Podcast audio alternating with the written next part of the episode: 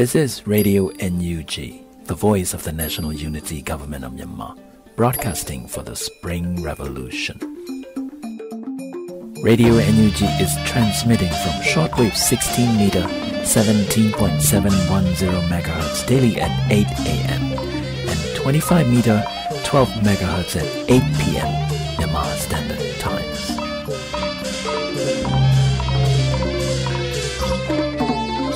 Mingla အမျိုးသားညီညွတ်ရေးအစိုးရရဲ့အသံလွှင့်ဌာန Radio NUG ကိုမနေ့၈နာရီမှာလိုင်းဒိုမီတာ16မီတာ19.87 MHz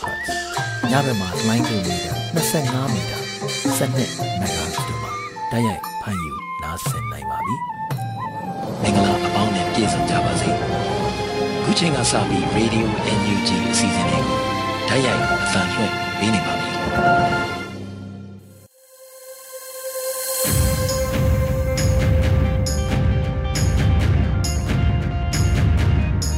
မြန်မာနိုင်ငံသူနိုင်ငံသားအပေါင်းတဘာဝပြီးစစ်အာဏာရှင်ဗီရုကနေကင်းဝေးပြီးကိုစိတ်နှစ်ပါးကျမ်းမာလုံခြုံကြပါစေလို့ရေဒီယိုအန်ယူဂျီဖွဲ့သားများကဆုတောင်းမေတ္တာပို့သလာရပါတယ်။ခုချိန်ကစပြီးရေဒီယိုအန်ယူဂျီရဲ့နောက်ဆုံးရသတင်းကြေးများကိုຫນွေဦးနှင်းစီမှတင်ဆက်ပေးတော့မှာဖြစ်ပါတယ်ရှင်။ အခုချိန်ကစတင်ပြီးနောက်ဆုံးရသတင်းအကျဉ်းများနဲ့အော်တိုဘာလ25ရက်နေ့မနက်ခင်းကတင်ဆက်ခဲ့တဲ့သတင်းကောင်းစင်များကိုပြန်လည်ဖတ်ကြားပေးမှာဖြစ်ပါတယ်။ပထမဆုံးအနေနဲ့တင်ဆက်ပေးမှာကတော့ပြည်သူ့ကာကွယ်ရေးတပ်ဖွဲ့ PDF တနန်းစင်ပွဲတွင်အမျိုးသားညီညွတ်ရေးအစိုးရပြည်ထရေးနှင့်လူမှုကြီးကြပ်ရေးဝန်ကြီးဌာနပြည်ထောင်စုဝန်ကြီးဦးလွင်ကိုလက်မှကွန်ပျူတာစကားပြောကြားခဲ့တဲ့သတင်းပဲဖြစ်ပါတယ်။တောင်ပိုင်းတိုင်းစစ်ဌာနချုပ်ဖြစ်မြောက်ရေးကော်မတီတာဝန်ခံဖြစ်သူဦးလွင်ကိုလက်ကဖက်ဒရယ်ပြည်ထောင်စုတည်ဆောက်ဖို့အတွက် အခုလိုပြည်သူ့တပ်မတော်ကိုနိုင်ငံရဲ့လိုအပ်ချက်အရာအချိန်တိုလေးအတွင်းမှာတိစောက်နိုင်ခဲ့တာဟာရဲဘော်တူဦးချင်းစီရဲ့ဆွလွတ်ရဲတဲ့စိတ်ဓာတ်နဲ့ယုံကြည်ချက်ကြောင့်ဖြစ်ပြီးတိတ်မကြခင်မှာပဲအောင်ပွဲစီကိုလှမ်းနိုင်တော့မယ်လို့ PDF တင်နန်းစင်ပွဲတွင်ဂုဏ်ပြုမိတ်ခွန်ပြောကြားခဲ့ပါတယ်။ဆက်လက်ပြီးထင်ရှားတဲ့88မျိုးဆက်ចောင်းသားကောင်းဆောင်တူဖြစ်သူကိုကျင်မီဖန်စစ်ခံရတဲ့သတင်းကိုတင်ပြပေးပါမယ်။ ကွန်ဂျမီဟာအော်တိုဘာလ23ရက်နေ့ညနေပိုင်းမြောက်တကူမြို့နယ်မှာစစ်ကောင်စီတပ်များရဲ့ဖမ်းဆီးခြင်းကိုခံလိုက်ရပါတယ်။ဒီသတင်းနဲ့ပတ်သက်ပြီးကိုဂျင်မီရဲ့စင်းဖြစ်သူမနီလာသိန်းကကိုဂျင်မီကိုစက္ကစတွေဖမ်းဆီးခေါ်ဆောင်သွားပါတယ်။အသက်အန္တရာယ်စိုးရိမ်ရပါတယ်။စက္ကစဟာစိတ်ရှိသလိုမတရားဖမ်းဆီးမှုတွေနောက်ပိုင်းမှာဖြစ်ပေါ်လာတဲ့အခြေအနေအလုံးကိုတာဝန်ယူဖြေရှင်းရလိမ့်မယ်လို့သူမရဲ့လူမှုကွန်ရက်စာမျက်နှာပေါ်မှာအသိပေးရေးသားထားတာတွေ့ရှိရပါတယ်။ ဆက်လက်ပြီးတော့ပြည်ထောင်စုဝန်ကြီးများနဲ့စကန်တိုင်းမြို့နယ်ပအဖပလာဖများတိုင်းခရိုင်ပကဖများနဲ့အရေးပေါ်အစည်းအဝေးပြုလုပ်တဲ့သတင်းကိုတင်ဆက်ပေးသွားပါမယ်။အမျိုးသားညီညွတ်ရေးအစိုးရပြည်ထရေးနဲ့လူဝင်မှုကြီးကြပ်ရေးဝန်ကြီးဌာနပြည်ထောင်စုဝန်ကြီးဦးလွင်ကိုလက်ကာကွယ်ရေးဝန်ကြီးဌာနပြည်ထောင်စုဝန်ကြီးဦးရင်ဝန်းတို့သည်အော်တိုဘာလ24ရက်နေ့တွင်စကိုင်းတိုင်းမြို့နယ်ပအဖပလာဖများတိုင်းခရိုင် ပကဖများနဲ့အရေးပေါ်အစည်းအဝေးကိုနနက်10:00နာရီတွင်ပြုလုပ်ခဲ့ကြပါတယ်။ကာကွယ်ရေးဝန်ကြီးကအုပ်ချုပ်ရေးကာကွယ်ရေးဆိုင်ရာကိစ္စရပ်များနဲ့ပအဖပလာဖပကဖများကြားညှိနှိုင်းဆောင်ရွက်ရန်တို့ကိုရှင်းလင်းဆွေးနွေးခဲ့ကြပြီးအစည်းအဝေးတက်ရောက်လာကြတဲ့နေမြေခံတာဝန်ရှိသူများကစကိုင်းတိုင်းတွင်အာနာသိန်းစက္ကစတက်များ၏အကြမ်းဖက်ကျူးလွန်နေမှုအခြေအနေများဖိအားပေးထိုးစစ်ဆင်နေမှုအခြေအနေများကိုရှင်းလင်းတင်ပြခဲ့ကြပါတယ်။ထိုအစည်းအဝေးကိုတက်ရောက်ဆွေးနွေးသူ60ကျော်ရှိကြောင်းသိရှိရပါတယ်။။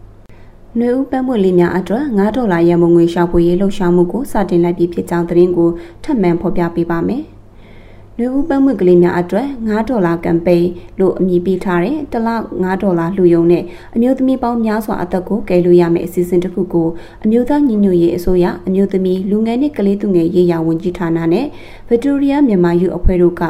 ပူပေါင်းစတင်လိုက်ကြတာပါအထူးသဖြင့်စစ်ပေးရှောင်ဒေသရှိအမျိုးသမီးများရဲ့လစဉ်ရှောင်လွှဲလို့မရတဲ့ကျန်းမာရေးပြဿနာများကိုဖြေရှင်းပေးရန်ရည်ရွယ်ပါတယ်မြန်မာပြည်ရဲ့နိုင်ငံရေးမတည်ငြိမ်မှုတွေနဲ့ပြည်တွင်းစစ်တွေကြောင့်အမျိုးသမီးတွေဟာနေရက်ဆွန့်ခွာပြေးထွက်ပြေးရပြီးတကူရေးတန်ရှင်ရေးမျိုးဆက်ပွားကျန်းမာရေးတို့အတွက်လွန်စွာအခက်တွေ့နေကြတယ်လို့အမျိုးသမီးလူငယ်နဲ့ကလေးသူငယ်ရေးရာဝန်ကြီးဌာနလူမှုကွန်ရက်စာမျက်နှာပေါ်မှာရေးသားထားပါတယ် အော်တိုဘာလ25ရက်နေ့မနက်ခင်းကတင်ဆက်ခဲ့တဲ့သတင်းကောင်းစင်များကတော့အမေရိကန်နိုင်ငံနိုင်ငံခြားရေးဝန်ကြီးဌာန အတိုင်ပင်ခံဒယ်ရစ်ချိုလက်ဦးဆောင်တဲ့ထိတ်တန်းတန်တမန်အဖွဲ့ရဲ့ထိုင်းစင်ကာပူအင်ဒိုနီးရှားခီးစဉ်တွဲဆုံဆွေးနွေးမှုများမှာတဆင့်ထိရောက်တဲ့ပြောင်းလဲမှုတွေကိုမျှော်လင့်ကြောင်းမြို့သားညီညွတ်ရေးအစိုးရနိုင်ငံခြားရေးဝန်ကြီးဌာနဒုဝန်ကြီးဦးမိုးစောဦးကပြောကြားတကုံမြို့သိမ်းမြောက်ပိုင်းပင်လုံအိယာနဲ့ပင်လုံစေးရုံကိုစစ်ကောင်စီတပ်များရန်တမ်းပစ်ခတ်မှုကြောင့်ပြည်သူတအူသေဆုံးအော်တိုဘာလ24ရက်နေ့မနက်ပိုင်းကအချမ်းဖက်စစ်ကောင်စီမှလက်နက်ကြီးပစ်ခတ်မှုကြောင့်ကလေးသူငယ်များအပါအဝင်ပြည်သူတွေထိမှန်ပြီးတအူသေဆုံး အာနာသိစစ်အုပ်စုကအမျိုးသားညီညွတ်ရေးအစိုးရအရင်ကြီးနဲ့ဒီမိုကရေစီလိုလားသောအဖွဲ့တွေကိုမဆက်ဆံဖို့အာဆီယံရဲ့မြန်မာနိုင်ငံဆိုင်ရာအထူးတန်တမန်ကိုသတိပေးခဲ့ကြောင်းအာရီဝန်ကအစီရင်ခံစာတွင်ထည့်သွင်းရေးသားခဲ့မြန်မာနိုင်ငံတဝန်းနဲ့ကမ္ဘာအနှံ့ကလူမျိုးပေါင်းစုံဘာသာပေါင်းစုံပါဝင်တဲ့စစ်အာဏာရှင်အမြင့်ဖြတ်ရေးလူထုဆန္ဒပြပွဲများဆက်လက်ဖြစ်ပေါ်နေ စစ်တပ်၏ရိုက်နှက်မှုတိုင်ကြောင့်ပူတာအိုလူငယ်တဦးသေဆုံးဝန်တိန်မှာ COVID-19 ပိုးတွေ့သောမြန်မာနိုင်ငံသားအချို့ကိုတရုတ်ဘက်ကညအချိန်ရိုက်နှက်ပြီးအတင်းပြန်ပို့ရန်စီစဉ်ခဲ့မူပြဲတွင်စစ်ကောင်စီတပ်ရင်422ဤရန်တမ်းပစ်ခတ်မှုကြောင့်အရက်သားတဦးသေ3ဦးဒဏ်ရာရစသည်တို့ဖြစ်ပါတယ်ကျမနှွေဦးနှင်းစီပါရေဒီယိုအန်ယူဂျီမှဆက်လက်တန်လှည့်နေပါတယ်အခုတစ်ခါ အန်ယူဂျီမှ ပြည်သူထံပါ ပြောစကားဆိုတဲ့စီစဉ်မှာ လျှက်စစ်နဲ့စွမ်းရည်ဝင်ကြီးဌာနဝင်ကြီး ဦးစိုးသူရထွန်းရဲ့ ပြောစကားကို တင်ဆက်ပြီးတော့မှဖြစ်ပါတယ်ရှင် မြမမြည်တဲ့ကွာကဘာတဝမ်းလုံးမှာ ရှိနေကြတဲ့ နိုင်ငံလူနိုင်ငံသားအလုံး မြန်မာမျိုးကို ချစ်ခင်ကြတဲ့ တိုင်းလူတိုင်းသားအလုံး ဒီမီဒီမှာ မွေးဖွားကြီးပြင်းလာတဲ့ တိုင်းသားအားလုံးကိုကျွန်တော်တို့ဒီနေရာနှုတ်ခွန်းဆက်ပါတယ်အားလုံးမင်္ဂလာရှိတဲ့နေ့ပါဖြစ်ပါတယ်ဟိုမင်္ဂလာရှိတဲ့နေ့လို့ပြောပေမဲ့လွန်ခဲ့တဲ့၈လကျော်ကာလကတော့ကျွန်တော်တို့အတွက်စိတ်မချမ်းမြေ့စရာတွေနဲ့ကြုံခဲ့ရတယ်ဆိုတာလည်းအားလုံးနားလည်ပြီးတည်ပြီးသားလည်းဖြစ်ပါတယ်ဒါပေမဲ့လည်းကျွန်တော်တို့ဒီနေ့ဒီချိန်မှာတော့ကျွန်တော်တို့ဒီတခါမှကျွန်တော်တို့မကြုံမှုသေးတဲ့ညီညွတ်မှုမျိုး ချစ်ခင်စီလုံးမှုမျိုးတိုင်းသားပြည်သူအလုံးမှာရှိနေကြတယ်လွတ်လပ်မှုနဲ့ငြိမ်းချမ်းမှုနဲ့တရားမျှတမှုအတွက်ကိုယ်ပိုင်ပြဋ္ဌာန်းခွင့်အတွက်အတူတူတိုက်ပွဲဝင်ရမယ်ဆိုတဲ့စိတ်ဓာတ်တွေရှိနေကြတဲ့အတွက်ကြောင့်လည်းကျွန်တော်ကိုယူဝမ်းသာကြောင်းလေးဥစွာပြောကြားလိုပါတယ်မြို့သားပြည်တော်စုသမ္မတမြန်မာနိုင်ငံတော်မြို့သားညီညွတ်ရေးအစိုးရရဲ့လက်စစ်စွမ်းရည်ဝန်ကြီးဌာနဝန်ကြီးတူအနေနဲ့ဒီနေ့ပြောလိုတာကတော့ကျွန်တော်တို့ဝန်ကြီးဌာနကို လွန်ခဲ့တဲ့ဇွန်လ9ရက်နေ့ကဒီဒီထောင်းခဲ့တာဖြစ်တဲ့အတွက်ကြောင့်ဒီနေ့ဆိုရင်တော့၄လခွဲလောက်ရှိပြီဖြစ်ပါတယ်ဒီကာလထဲမှာကျွန်တော်တို့လည်းနိုင်ငံနဲ့ပြည်သူအလုံးနဲ့အဲ့ဒါများအကောင်းဆုံးဖြစ်အောင်ကြိုးစားကြမယ်ဆိုပြီးတော့ကျွန်တော်နဲ့ကျွန်တော်တို့ရဲ့ဝန်ကြီးယုံခွဲတစ်ဖက်ကလည်းပြည်သူဘက်ကရက်တီဖို့ထွက်လာကြတဲ့စီရီယံဝန်ထမ်းပေါင်း8500ကျော်နဲ့အတူကျွန်တော်တို့အမျိုးမျိုးစဉ်းစားကြံစီကြိုးစားခဲ့ကြတယ်ဆိုတဲ့အကြောင်းလေးဥစွာပြောပြောကြလိုပါတယ် ကျွန်တော်တို့ဒီကာလအတွင်းမှာကျွန်တော်တို့အနေနဲ့အမောင်မြင်ခဲ့တာစပြောရမယ်ဆိုရင်တော့ကျွန်တော်တို့ဒီရေနာတဲ့သဘာဝတောင်းဝေးလုပ်ငန်းပေါ့ဒီရရတဲ့ဝင်ငွေတွေဟာကျွန်တော်တို့ဘုံမှာဖိနှိပ်ချုပ်ချယ်နှိပ်စက်နေတဲ့အကြမ်းဖက်အုပ်စုရဲ့ရမုံငွေတစိတစ်ပိုင်းဖြစ်နေခဲ့တယ်ဒီငွေရပမာဏကအကြမ်းပြင်းပြောရရင်တစ်နှစ်ကိုဒေါ်လာတန်တရာလောက်ရှိပါတယ်ဒီငွေကိုကျွန်တော်ပိတ်ပင်မှုကြိုးစားခဲ့တာတော့ ဒီနေ့ထိတော့မောင်မြင်သေးပါဘူးဒါအောင်မြင်ဖို့လမ်းစာတွေလည်းရှိနေပါပြီကျွန်တော်တို့နိုင်ငံတကာနီလန်းပြည်သူနီလန်းဥပဒေနီလန်းအားလုံးနဲ့ကျွန်တော်တို့ကြိုးစားခဲ့တာဆိုရင်အခုတော့မကြခင်မှာအောင်မြင်မယ်လို့လည်းမျှော်လင့်ပါတယ်ဒါပေမဲ့တစ်ဖက်မှာတော့ကျွန်တော်တို့အစိုးရရဲ့လမ်းညွှန်မှုတွေကျွန်တော်တို့ဝန်ကြီးဌာနရဲ့ဟိုညွှန်ကြားချက်တွေအားလုံးကိုပြည်သူတွေကလိုက်နာဆောင်ရွက်ကြတဲ့အတွက်ကြောင့်ဂျမ်းမဲစေအိုစီကိုရောက်သွားမဲ့ရပုံဝေး တနည်းအားဖြင့်လက်စစ်မီတာကကဟိုတလတလကိုကျပ်ဘီလီယံတန်160လောက်ရှိပါတယ်တနည်းအားဖြင့်ဆိုရင်တစ်နှစ်ကိုဆိုရင်ကျပ်ဘီလီယံ2000ခန့်ရှိပါတယ်အမေရိကန်ဒေါ်လာရဲ့အတွက်ပဲဆိုရင်တန်100တန်960လောက်ရှိတယ်လို့ပြောနိုင်ပါတယ်အဲ့တော့ကျွန်တော်တို့ကတစ်ဖက်ကတော့တန်100ကျော်မဟာတာနိုင်ခဲ့သေးပေမဲ့လည်းတန်960ကိုကျွန်တော်ဟာတာနိုင်ခဲ့ပြီဖြစ်တယ်ဆိုတာကိုတော့ ပြည်သူအားလုံးနဲ့အတူလက်တွဲပြီးဆောင်ရွက်တဲ့ပူးပေါင်းတဲ့အောင်မြင်မှုတစ်ခုအနေနဲ့ဂုဏ်ယူစွာပြောကြားလိုပါတယ်ဆက်လက်ပြီးလည်းဒီတိုင်းပဲဆက်လက်လှုပ်ဆောင်သွားကြမယ်လို့လည်းပြောလင့်ပါတယ်တကယ်လဲကျွန်တော်တို့ကဒီဆေးအာနာရှင်ဘေးကိုဗစ်ယောဂဘေးဒီကာလမှာကျွန်တော်တို့ကပြည်သူပေါ်မှာဒီလက်စစ်မီတာကတော့ဝင်တော့ဝင်ဖို့ပြီးစီခြင်းခဲ့တာလည်းအမှန်ပဲဖြစ်ပါတယ်နောက်တစ်ခါကျွန်တော်တို့ဝန်ကြီးဌာနအနေနဲ့ကျွန်တော်တို့ဆက်ကြိုးစားခဲ့ရမှာကျွန်တော်တို့ဝန်ကြီးဌာနရဲ့ CDN ဝန်ထမ်းများရဲ့ ကျမရေးနေထိုင်အပြင်တစ်ဖက်ကလည်းပညာရေးသူတို့ရဲ့ကိုယ်ကိုယ်သွေးမြင့်မားစီအနာဂတ်ကာလမှာဝန်ကြီးဌာနကိုတည်ထောင်ကြတဲ့အခါမှာမှန်ကန်တဲ့မူဝါဒလမ်းစဉ်ခိုင်မာတဲ့တိဆောက်ပုံတိဆောက်နည်းစနစ်တွေနဲ့ဖြစ်နိုင်ကြဖို့လည်းကျွန်တော်တို့ကြိုးစားပါတယ်ဒီလိုလူဆောင်ချက်တွေလည်းပြိုင်နေလုပ်နေပါတယ်ဒီအတွက်ကိုလည်းနိုင်ငံတကာမှာရောက်နေတဲ့မြန်မာပညာရှင်ပေါင်းများစွာလည်းကူညီပေးနေကြပါတယ်နောက်တစ်ခါကျွန်တော်တို့တွေ ခီးသွားလာရင်လည်းတွေ့ကြရတဲ့တိုင်းသားဒေသတွေမှာလည်းဒီအသေးစားလက်စစ်တာအားဒီဟလာအိမ်လုံးအဆင့်ရနိုင်မှုအတွက်ကိုကျွန်တော်တို့ကရှီယာအတက်စီအသေးစားလေးနေတော့၎င်းနေအောင်ကြီးအားနဲ့တော့၎င်းဒီထောင်နိုင်ဖို့လည်းကျွန်တော်တို့စဉ်းစားကြိုးစားကြံစည်နေပါတယ်နောက်တစ်မျိုးကတော့အားလုံးသိတဲ့အတိုင်းပဲလွန်ခဲ့တဲ့စက်တင်ဘာ9ရက်နေ့ကကျွန်တော်တို့နိုင်ငံတော်ယာယီသမ္မတကြီးရဲ့မိန့်ခွန်းအတိုင်းပါပဲကျွန်တော်တို့ကအကြမ်းဖက် ဖိနှိပ်ချုပ်ချယ်နေတဲ့သူတွေကိုကျွန်တော်တို့ကလဲနေလီအောင်မြင်းဆောင်မကြံပြန်လဲပြီးတော့ကာကွယ်ခုခံကြရအောင်တော့ပဲအချိန်မှာစီရီကာလာတွေဖြစ်လာလို့ရှိရင်တက်ဆိုင်တဲ့ဒေတာတွေမှာကျွန်တော်တို့ကလက်စစ်တာမပြတ်တော့စီရေးအတွက်ဘလို့ကြံစီဆောင်ရွက်ကြမလဲဒေတာကြီးတခုလုံးမတက်နိုင်အောင်ကျွန်တော်တို့ကအရေးကြီးဆုံးနေရာဖြစ်တဲ့စီုံစေကန်ဒီကျမရေးဌာနတွေဒီလိုနေရာတွေကိုအရေးကြီးတဲ့နေရာတွေကိုပြတ်တော့ဘလို့ဆောင်ရွက်ရမလဲဆိုတာဒီကိုလည်းကျွန်တော်တို့ကစီမံကိန်းချပြီးတော့စနစ်တကျ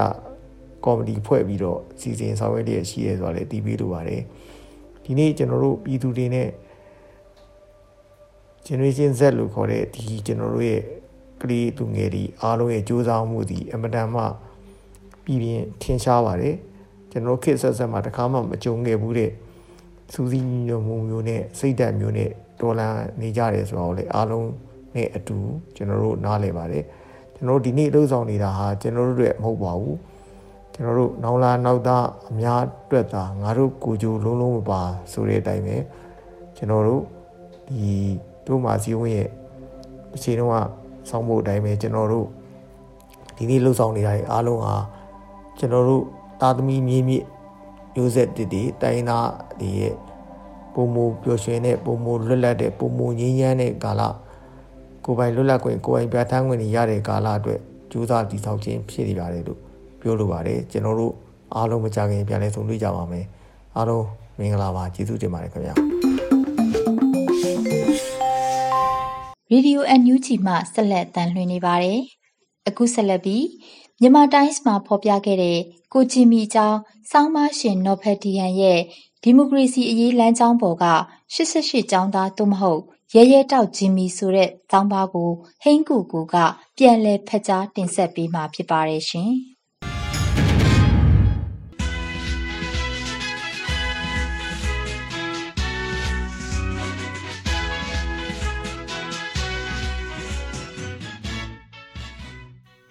ဆေးရနာသိမ်းပြီးနောက်ပိုင်း905ခါခွေနဲ့ဝရန်ထုတ်ခံထားရပြီးအော်တိုဘာလ23ရက်နေ့ညပိုင်းကဖမ်းဆီးခံလိုက်ရတဲ့ကိုချင်မီရဲ့အကြောင်းကိုဒီမိုကရေစီရေးလှုပ်ရှားမှုလမ်းကြောင်းပေါ်က88ကျောင်းသားသို့မဟုတ်ရဲရဲတောက်ချင်မီဆိုတဲ့ခေါင်းစဉ်နဲ့2018ခုနှစ်မြန်မာ Times ကဖော်ပြခဲ့မှုတဲ့ဆောင်းပါရှင်နော်ဘတ်တီယန်ရဲ့ဆောင်းပါးကိုပြန်လည်ဖတ်ကြားတင်ဆက်ပေးမှာဖြစ်ပါတယ်။အင်းစိတ်မျိုးနယ်စိတ်ငြိမ်ရက်ကွက်တစ်ခုတွင်းရှိဖြူရောင်ငါးတိုက်တစ်လုံးထဲမှာလူတယောက်ထိုင်လျက်စာဖတ်နေသည် ထိုသူ၏အနီးအနားတွင်အသက်10နှစ်ရွယ်ကလေးမတူစော့ကစားလျက်ရှိသည်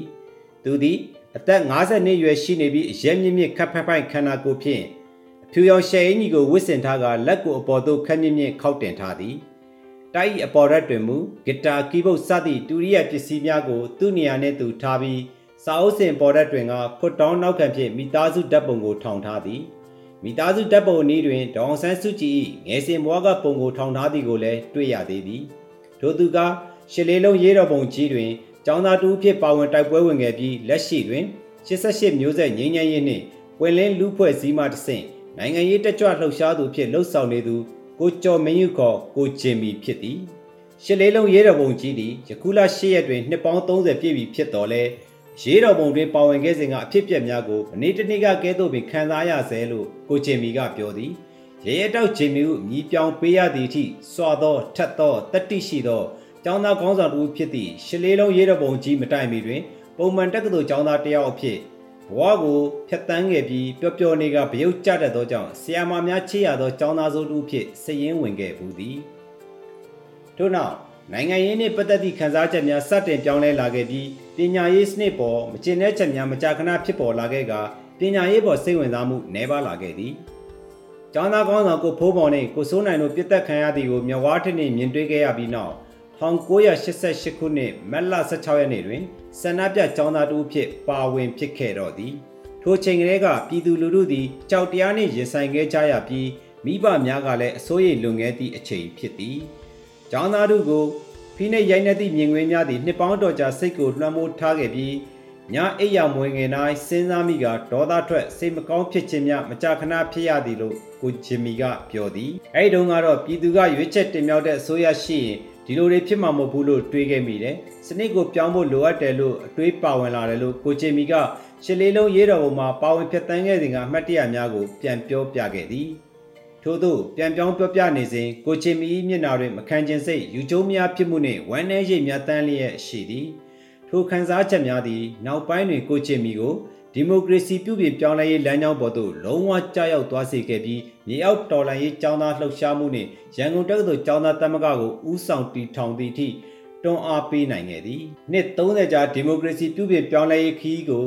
စင်စက်မပြတ်လိုက်ပါနေခဲ့တဲ့ညတရចောင်းသားတယောက်ပေါ့အဲ့ဒီလိုဖြစ်ခဲ့တယ်လို့ကိုချင်မီကပြောရင်းပြောသည်ထို့သို့ပြောစဉ်တွင်မူကိုချင်မီမျက်နာပေါ်တွင်အာရကျင်နှံ့မှုများဖြင့်ပီတိဖြာလျက်ရှိသည်ကိုတွေ့ရသည် မကြာခဏထောင်ကျခံခဲ့ရတာကြောင့်ပြင်ပတွင်နေချိန်နေပြီးအလုတ်လုတ်ကမိသားစုကိုလည်းငွေကြေးထောက်ပံ့နိုင်ခဲ့ခြင်းမရှိခဲ့ပေမိဘများနှင့်မောင်နှမများ၏ဝိုင်းဝန်းထောက်ပံ့မှုကြောင့်သာယခုကဲ့သို့အေးစေးသက်သာစွာနေရခြင်းဖြစ်ကြောင်းကိုကိုချင်မီကပြုံးလျက်ပြောသည်1988ကနေ2005ခုနှစ်ထိ16နှစ်ကြာထောင်ကျတယ်ပြီးတော့ပြန်လွတ်ပြီးအိမ်အောင်ကျတယ်သားသမီးမွေးပြီး၄လအကြာ2009ခုနှစ်မှာထောင်ထဲပြန်ဝင်သွားပြန်ရော အပြင်မှာတိတ်မနေရတော့စီးပွားရေးလည်းမလုပ်နိုင်ဘူးဟုကိုချင်မီကပြောသည်ကိုချင်မီအဖေဖြစ်သူသည်လည်း1962ခုနှစ်ကျောင်းသားဟောင်းတူဖြစ်ခဲ့ပြီးအကိုကြီးဖြစ်သူသည်လည်းနိုင်ငံရေးအကျဉ်းသားဖြစ်9နှစ်ကြာထောင်ထဲတွင်နေခဲ့ရသည်ရှလေးလုံးရေးတော်ပုံမတိုင်မီတွင်ဖခင်ဖြစ်သူက၎င်းကိုခေါ်ကာမေးခွန်းနှစ်ခုမေးခဲ့ပြီးဖြေနိုင်မှာကနိုင်ငံရေးဆက်လုပ်ခွင့်ပေးမည်ဖြစ်ကပြပြဝဝထောက်ပံ့သွားမည်ဖြစ်ကြောင်းပြောခဲ့သည်ဦးနေဝင်းလက်ထက်မှာ လောက်ရတာအရန်အယော်စားကြီးတယ်မိခွန်းနှစ်ခုဖြေနိုင်ရင်မင်းနိုင်ငံရေးလုပ်လို့ရမယ်လို့ပြောတယ်တခုကမင်းနိုင်ငံရေးလုပ်ရင်ဘဝပြတ်မယ်သေမယ်ဒါကိုမင်းရင်ဆိုင်နိုင်လားလို့မေးတယ်ဟုကိုချင်မီကပြောသည်ဖကီမိကုန်းကိုလုံနိုင်ကြောင်းဖြေချခဲ့သည့်နေ့မှစကနိုင်ငံရေးနယ်ပယ်တဲ့သို့အပြည့်အဝဝင်ရောက်ဖြစ်ခဲ့သည်သို့သောကိုချင်မီထောင်ကထွက်လာသည့်အခါတစ်ဖက်တလန်းကနိုင်ငံရေးလှုပ်ရင်းဖြင့်ဝင်ငွေရသည့်အလုပ်များရှိခဲ့သည်ကျွန်တော်စာရေးတယ်စာရေးဆရာကြီးတွေကိုမရှင်းနိုင်ပေမဲ့မိတ်ဆွေတွေကအခြေချင်းအားပေးကြလို့အတော်ရောင်းရတယ် စာပေဟောပြောပွဲနဲ့အမှုပညာအကြံပေးအလုပ်တွေပင်နိုင်ဆောင်းပါးရေးတာတွေကလည်းဝင်ငွေရတယ်ဟု၎င်းကပြောသည်တစ်နှစ်မှာအနည်းဆုံးစာပေဟောပြောပွဲပေါင်း30မှ80တိလိုက်ပါရဘူးပြီး IFA တွင်လည်းပင်နိုင်ဆောင်းပါးရှင်ဖြစ်၄နှစ်ဆက်တိုက်စာချုပ်ဖြစ်လှုပ်ဆောင်ခဲ့ဘူးသူဖြစ်သည်ထို့ပြင်ကိုချင်မီသည်ဂီတပညာတွင်လည်းမခေသူတူဖြစ်ခဲ့သည်ဂီတာကောင်းကောင်းတီးနိုင်ပြီးကီးဘုတ်ပတလာစသည့်တူရိယပစ္စည်းများကိုလည်းကောင်းစွာတီးခတ်နိုင်က အဆိုပညာလည်းလေးလာလိုက်စားခဲ့သူတူဖြစ်သည်ထုတ်ထားတဲ့သချင်း၄၅ပုတ်ရှိတယ်ပန်းရဲ့လမ်းမှာလည်းရေးထားတာ2ပုတ်3ပုတ်ရှိတယ်ရေးထားတာ2ခွေစာလောက်ရှိတယ်သချင်းဘက်ကိုမလဲနိုင်သေးလို့ကိုချင်မီကပြောသည်နိုင်ငံရေးသမားဖြစ်ဘဝကိုဖျက်ဆီးခဲ့ရတော့လဲငယ်စဉ်ကတည်းကဖြစ်ချင်ခဲ့သောကိုပိုင်အိမ်မက်များရှိခဲ့ဘူးသူဖြစ်သည်ဇာတိပင်နီယာမျိုးတွင်နေထိုင်စဉ်ကတည်းကစာအုပ်များကိုဖတ်ခဲ့ပြီးဟာရိုရောဘင်ရဲ့ Carpet Bagger မီရဲ့စာအုပ်ကဇက်ကောင်ဖြစ်သူကိုလူငယ်ပီပီသဘောကျခဲ့သည် ဆိုပါဇက်ကောင်သည်စာပိုင်းတွင်ခက်ခဲများစွာကိုရင်ဆိုင်တင်ယူရင်းနောက်ပိုင်းတွင် American စီးပွားရေးလောကတွေကိုတိုးဝင်ကစီးပွားရေးသမားကြီးများလက်ဖြားခါခဲ့ရသူဖြစ်လာခဲ့သည်ဖြစ်ချင်ခဲ့တာကနှစ်ခုတည်းကတစ်ခုပဲစီးပွားရေးပညာရှင်ဖြစ်ရင်ဖြစ်မဖြစ်နိုင်ရင်အမှုပညာရှင်ဖြစ်ပေါ်ဒီလိုဖြစ်ချင်ခဲ့တယ်လို့ကိုချင်မီကသူ့ရဲ့ငယ်ဘဝအိမ်မက်ကိုပြောတယ်သို့တော့လက်ရှိခြေနေကိုလည်းအလွန်မင်းကျင်တဲ့ကြောင်းဖြတ်တန်းခဲ့ရသောဘဝအချစ်အတွေ့အကြုံများသည့်တန်ဖိုးမဖြတ်နိုင်ကြောင်း၎င်းကပြောသည် ထောင်ကျနေစဉ်အတွင်းလေးလာတင်ယူမှုများစွာရရှိခဲ့ပြီးထောင်ထဲတွင်နေထိုင်စဉ်ဝန်ထမ်းများ၏ကူညီဖြင့်စာဖတ်ခြင်းရေဒီယိုနားထောင်ခြင်းများလုပ်ခွင့်ရခဲ့သည်လူပဲထောင်ကျခံမယ်အုံနောက်တော့ထောင်ကျမခံဘူးဟုထောင်ကျနေစဉ်အတွင်းသူ၏ခံယူချက်ကိုကိုချင်မီကပြောသည်ထို့ပြင်ဟန်တာဝရီဦးဝင်းတင်ထံမှလည်းဂျာနယ်လစ်စင်နှင့်သက်ဆိုင်သည့်ပညာရည်များကိုအနီးကပ်စီးပူးနိုင်ခဲ့သည်ထို့ပြင်ဦးမျိုးမြင့်ငင်း၏အကူအညီဖြင့်အင်္ဂလိပ်ပြည်တန်စာအုပ်အုပ်လက်ဆောင်ရခဲ့ကထောင်တွင်း၌အစအဆုံးအလွတ်ကျက်ခဲ့သေးသည် ထိုချက်သည်နောက်တစ်ချိန်တွင်ဘာသာပြန်စာရေးဆရာဖြစ်ရက်တီရဲ့အထောက်ပံ့ကောင်းဖြစ်ခဲ့သည်ရေတော်ပုံတွင်ပါဝင်ခဲ့ပြီးနောက်အခက်ခဲမျိုးစုံနှင့်ရင်ဆိုင်ခဲ့ရပြီးအဆိုးဝါးဆုံးခက်ခဲမှာ၎င်းဝါဒနာပါတိစာရေးခြင်းကိုနာမည်ရင်းဖြင့်ထုတ်ခွင့်မရခဲ့ခြင်းဖြစ်သည်ဂျင်မီမီဖြင့်စာရေးပါကအပိတ်ခံရပြီးဆိုသောကြောင့်ဖုတ်တုခကလောင်မီဖြင့်ယတိမဂဇင်းနှင့်အလင်းတန်းချာနယ်တို့တွင်ပင်နိုင်ရေးသားခဲ့သည်ခြားချာနယ်နှင့်မဂဇင်းတွင်လည်းထိုကလောင်ဖြင့်ပင်ရေးသားလာခဲ့သည်မမတ်တင်နှင့်အဖြစ်ဆုံးမှာ Andrew Matthew ရဲ့ Making Friends အမည်ရစာအုပ်ကိုဘာသာပြန်ကမိဖြစ်ဆွေဖြစ်ဆိုသောအမည်ဖြင့်ပထမဆုံးဘာသာပြန်စာအုပ်ထုတ်နိုင်ခဲ့ခြင်းပင်ဖြစ်သည်ထို့သောအခြားကလောင်အမည်ဖြင့်ထုတ်ဝေခဲ့တော်လဲမိမိရေးသားကြောင်းသိရှိသည့်တငယ်ချင်းမိတ်ဆွေများကဖုံးဆက်ကအားပေးခဲ့ကြကြောင်းကိုချေမီကပြောသည်တငယ်ချင်းတယောက်ကဖုံးဆက်ပြီးမင်းစာအုပ် MRT4 ကလုတ်တဲ့စာအုပ်စင်းမှာနံပါတ်1ကိုရောက်နေတယ်နှစ်ပတ်ရှိနေပြီလို့ပြောတယ်ကျွန်တော်ကထားလိုက်မသိကြအောင်စောင်းနေလိုက်လို့ပြောခဲ့ရတယ် ကျွန်တော်အဲ့ဒီတုန်းကငြိမ်မနေလို့လည်းမရဘူးကျွန်တော်စာရေးနေမှန်းသိရင်အပိတ်ခံမှာဆိုလို့ကိုချင်မီကပြောသည်ဆိုပါစာအုပ်ကို2009ခုနှစ်မေလတွင်ပထမကြိမ်ထုတ်ဝေခဲ့ပြီး2016ခုနှစ်တွင်ဒုတိယကြိမ်ထုတ်ဝေခဲ့သည်ဒုတိယကြိမ်တွင်မူဒီမိုကရေစီဆိုရဖြစ်ပြောင်းလဲသွားခဲ့ပြီဖြစ်သောကြောင့်ဘာသာပြန်ရေးသားသူနေရာတွင်မြည်ရင်ဂျင်မီကိုဖော်ပြနိုင်ခဲ့သည်သို့တော့ကိုဂျင်မီအတွက်အရှုံးတွေကအမျက်ထွက်သည်ဟုဆိုရမည့်အချက်ကမျိုးသမီးဖြစ်သူနှင့်ဖူးစာဆုံခဲ့ရခြင်းဖြစ်သည် မျိုးသမီးဖြစ်သူမန်နီလာသိမ်းမှာကိုဂျင်မီထက်အသက်3နှစ်ကျော်ငယ်ပြီး1988ခုနှစ်ရေကင်းကာလတွင်ကိုရန်ကျောင်းသူသာရှိသေးသည်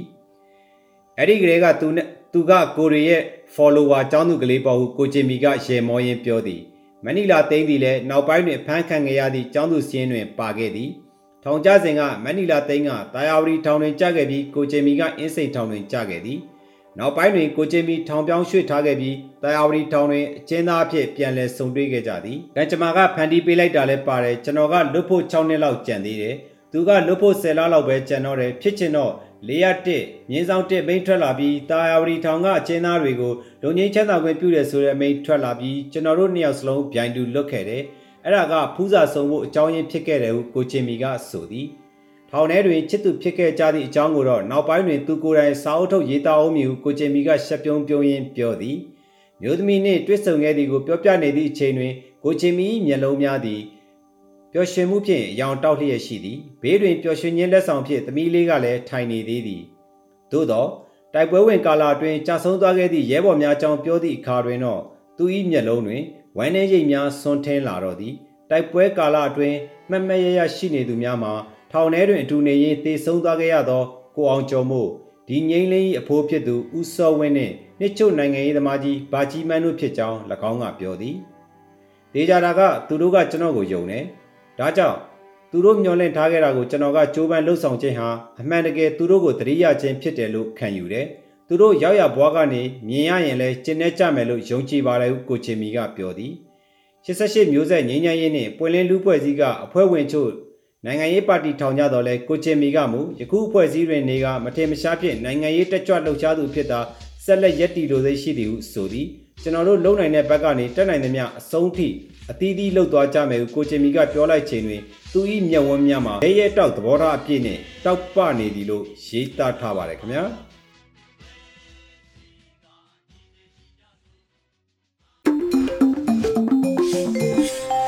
ရေဒီယို NUG မှဆက်လက်တမ်းလှည့်နေပါတယ်။အခုတစ်ခါမှာတော့တခင်အန်ရဲ့ PDF ဟာတန်း90ရဲ့နှလုံးသားဆိုတာမင်းတို့တီလားဆိုတဲ့အစီအစဉ်ကို တင်ဆက်ပေးတော့မှာဖြစ်ပါတယ်ရှင်။ PDF ဟာတန်း90ရဲ့နှလုံးသားဆိုတာ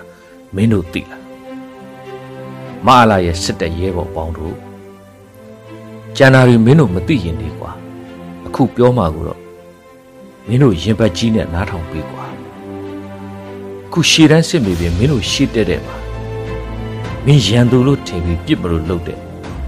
မင်းရဲ့ညီငယ်လေးနဲ့အသက်တူလောက်ရှိတယ်အသက်20အရွယ်အသားဖြူဖြူပိမ့်ပိမ့်ပါပါပါဝါမျက်မှန်ထူထူကြီးတက်ပြီး AK47 ကြီးလွယ်ထားတဲ့သူဘယ်သူလို့မင်းထင်အဲ့ဒါမင်းတို့ပထွေးတွေပြောသလို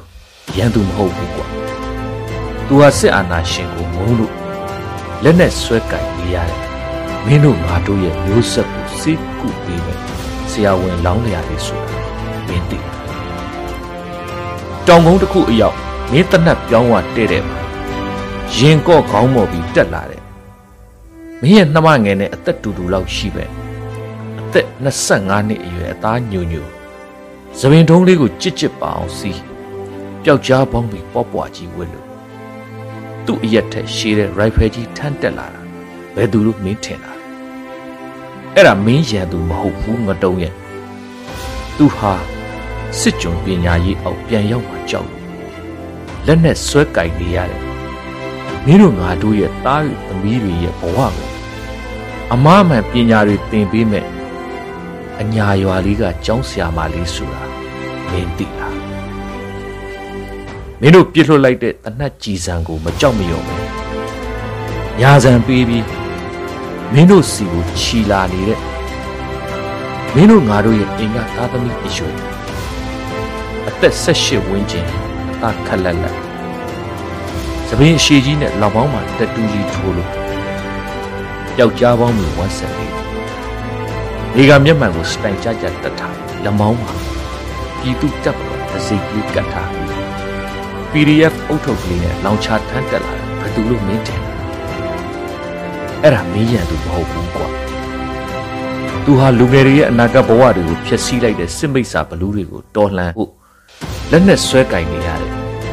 မင်းတို့ငါတို့သားသမီးတွေရဲ့ကြောင်းနေပဲတငယ်ချင်းရက်ွက်တဲကကောင်းလေးဆိုတာရောမင်းသိတာမာလာရဲ့စစ်တပ်ရဲဘော်အပေါင်းတို့မင်းတို့ကရန်သူထင်ပြီး PDF ရဲဘော်တွေကိုတနတ်နဲ့ချိန်ထားတာဟာငါတို့မျိုးဆက်ကြီးတစ်ခုလုံးကိုဖျက်ဆီးဖို့မင်းချိန်နေတာပဲဆိုတာမင်းသိလားမင်းတို့ရန်သူတို့ထင်ပြီးပြစ်လိုက်လို့ PDF ရဲဘော်တယောက်ကြာဆုံးသွားတာဟာတိုင်းပြည်အနာဂတ်ကြီးကြာဆုံးသွားတာပဲဆိုတာမင်းတို့သိလားမင်းတို့ရဲ့တနတ်ကြီးစံ PDF ရဲဘော်လေးတယောက်ကိုများထိသွားရင် တကယ်နာကျင်ရတာပြည်သူတန်း90ရဲ့နှလုံးသားတွေဆိုတာမင်းတို့သိလားမင်းတို့ရန်သူထင်ပြီးမတရားမီးရှို့လိုက်လို့ပြည်သူအိမ်တလုံးမီးလောင်သွားရင်တကယ်ပူသွားတာကပြည်သူတန်း90ရဲ့ရင်ပတ်ကြီးဆိုတာမင်းတို့သိလားမင်းတို့ကြောင့်မိသားစုနဲ့ခွဲခွာပြီးတောတဲ့တောင်ထဲမှာပင်ပန်းဆင်းရဲစွာရုန်းကန်နေရတယ် PDF ရဲဘော်တွေရဲ့ချွေးတစ်စက်ဟာ ပြည်သူတန်း90ရဲ့မျက်ရည်စက်တွေဆိုတာရောမင်းတို့သိလားမင်းတို့ဟာပေးတာယူကျွေးတာစားပြန်ခံမပြောနဲ့ဆိုတဲ့စစ်မိတ်ဆာအောက်မှာဝါရမိုင်းနဲ့ကြီးပင်အပိကမွေညံကနေပြီးကိုကိုကိုစစ်သားရဲဘော်ဘဝကပြည်သူချင်ပတ်စစ်ကြုံဖြစ်နေရတော့မင်းတို့သိလားမင်းတို့ရဲ့ရန်သူစစ်ဟာမင်းတို့အသက်ကိုလောင်ကြီးထက် မင်းတို့အောက်ခြေရဲဘော်တွေရဲ့ဘဝကိုအမျက်ထုတ်မင်းတို့လေချောင်းသွေးကိုမြေးရေးရှိပေါင်းနေကြတယ်မအားလာတို့ကိုချုပ်ကြီးတစုတာတယ်မင်းတို့ရဲ့ရန်သူအစ်စ်ဆိုတာမင်းတို့သိလားမအားလာရဲ့စစ်တဲ့ရဲဘော်အပေါင်းတို့မင်းတို့ရဲ့တနတ်ခလုတ်လက်ညှိုးလေးမကွေးခင်မင်းရှိကရန်သူလားမင်းရဲ့မျိုးဆက်အနာဂတ်လားဆိုတာမင်းသိရင်မင်းတနတ်ကိုစွန့်လိုက်ပါဒါမှမဟုတ် မင်းတို့ရန်သူအစ်စ်ဖြစ်တဲ့မအားလာတို့စစ်ပူချုပ်တတိုက်ဖက်တာရဲရဲကြီးပြစ်ချလိုက်တော့တော်ပြီကွာအဲ့လောက်လူစကားပြောတာမှမင်းတို့စစ်ဘလူးတွေမခံစားနားမလဲတိုက်ရင်တော့မင်းတို့ဟာလူမဟုတ်တော့ဘူးဆိုတာရောမင်းသိလားအရေးတော်ပုံအောင်နေပြီဟဲ့သခင်အန်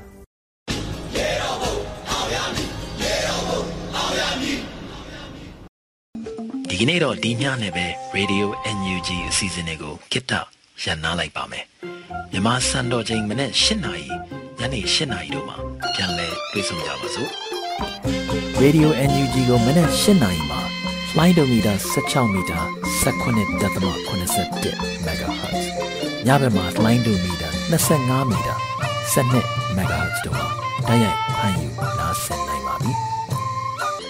မြန်မာနိုင်ငံသူနိုင်ငံသားများ ကိုစိတ်နှပြချမ်းမာချမ်းသာလို့ဘေးကင်းလုံခြုံကြပါစေလို့ Radio NUG အဖွဲ့သူအဖွဲ့သားများဆုတောင်းပေးလိုက်ပါတယ်အမျိုးသားညီညွတ်ရေးအစိုးရရဲ့ဆက်သွယ်ရေးသတင်းအချက်အလက်နဲ့ဤပညာဝန်ကြီးဌာနကထုတ်လွှင့်နေတဲ့ Radio NUG ဖြစ်ပါတယ်စ San Francisco Bay Area အခြေစိုက်မြန်မာမိသားစုများနဲ့နိုင်ငံတကာကစေတနာရှင်များလှူအားပေးများရဲ့ Radio NUG ဖြစ်ပါတယ်။အရေးတော်ပုံအောင်ရမည်